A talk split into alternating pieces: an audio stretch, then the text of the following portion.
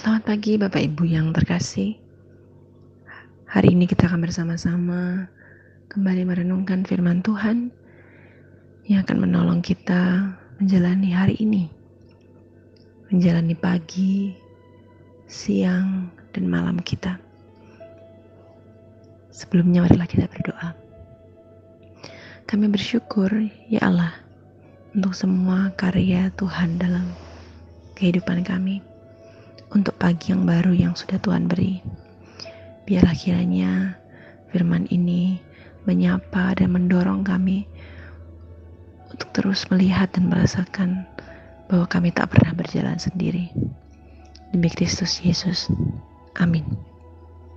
Bapak Ibu yang terkasih, kita hari ini akan merenungkan sabda firman Tuhan dari Yehezkiel 36 ayat 26. Yeskiel 36 ayat 26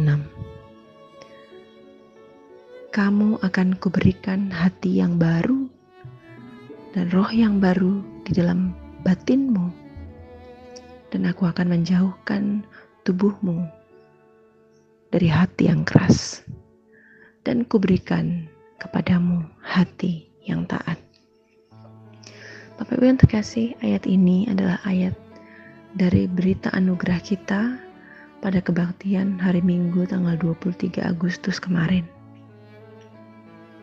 Sepintas ketika saya mengikuti ibadah dan mendengar berita anugerah ini, ada sebuah kalimat yang begitu mempesona bagi saya, yaitu kalimat yang mengatakan bahwa aku akan menjauhkan dari tubuhmu hati yang keras dan kuberikan kepadamu hati yang taat.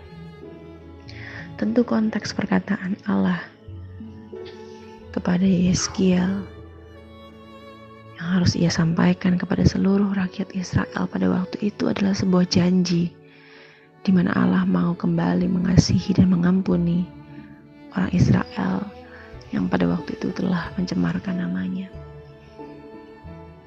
Perkataan Allah menjadi sebuah perkataan yang menguatkan bagi kita semua pula yang masih hidup di dalam perjuangan kehidupan kita masing-masing bahwa ternyata bagi Allah hati yang taat adalah jauh lebih penting di atas segalanya.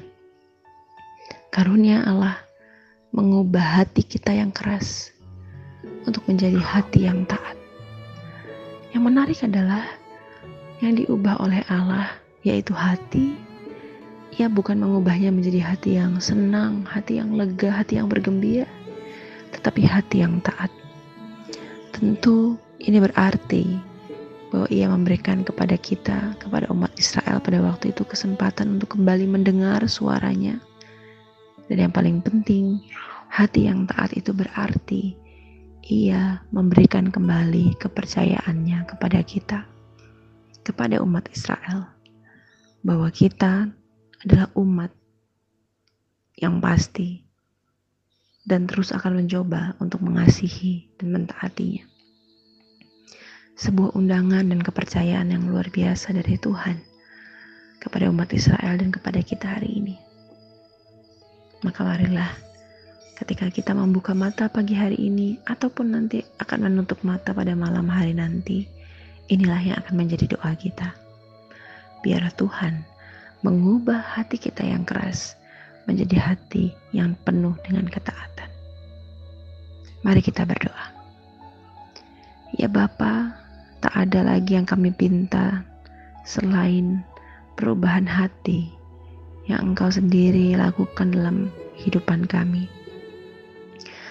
Ubahlah hati kami yang keras, hati kami yang keras memegang apa yang tidak benar di hadapanmu, keras memegang ketidakpercayaan dan keraguan kami, keras untuk meyakini apa yang kami anggap benar, padahal belum tentu di hadapanmu itu benar. Ubahlah hati kami menjadi hati yang penuh dengan ketaatan. Demi Kristus Yesus. Amin. Selamat pagi Bapak Ibu. Tuhan Yesus memberkati.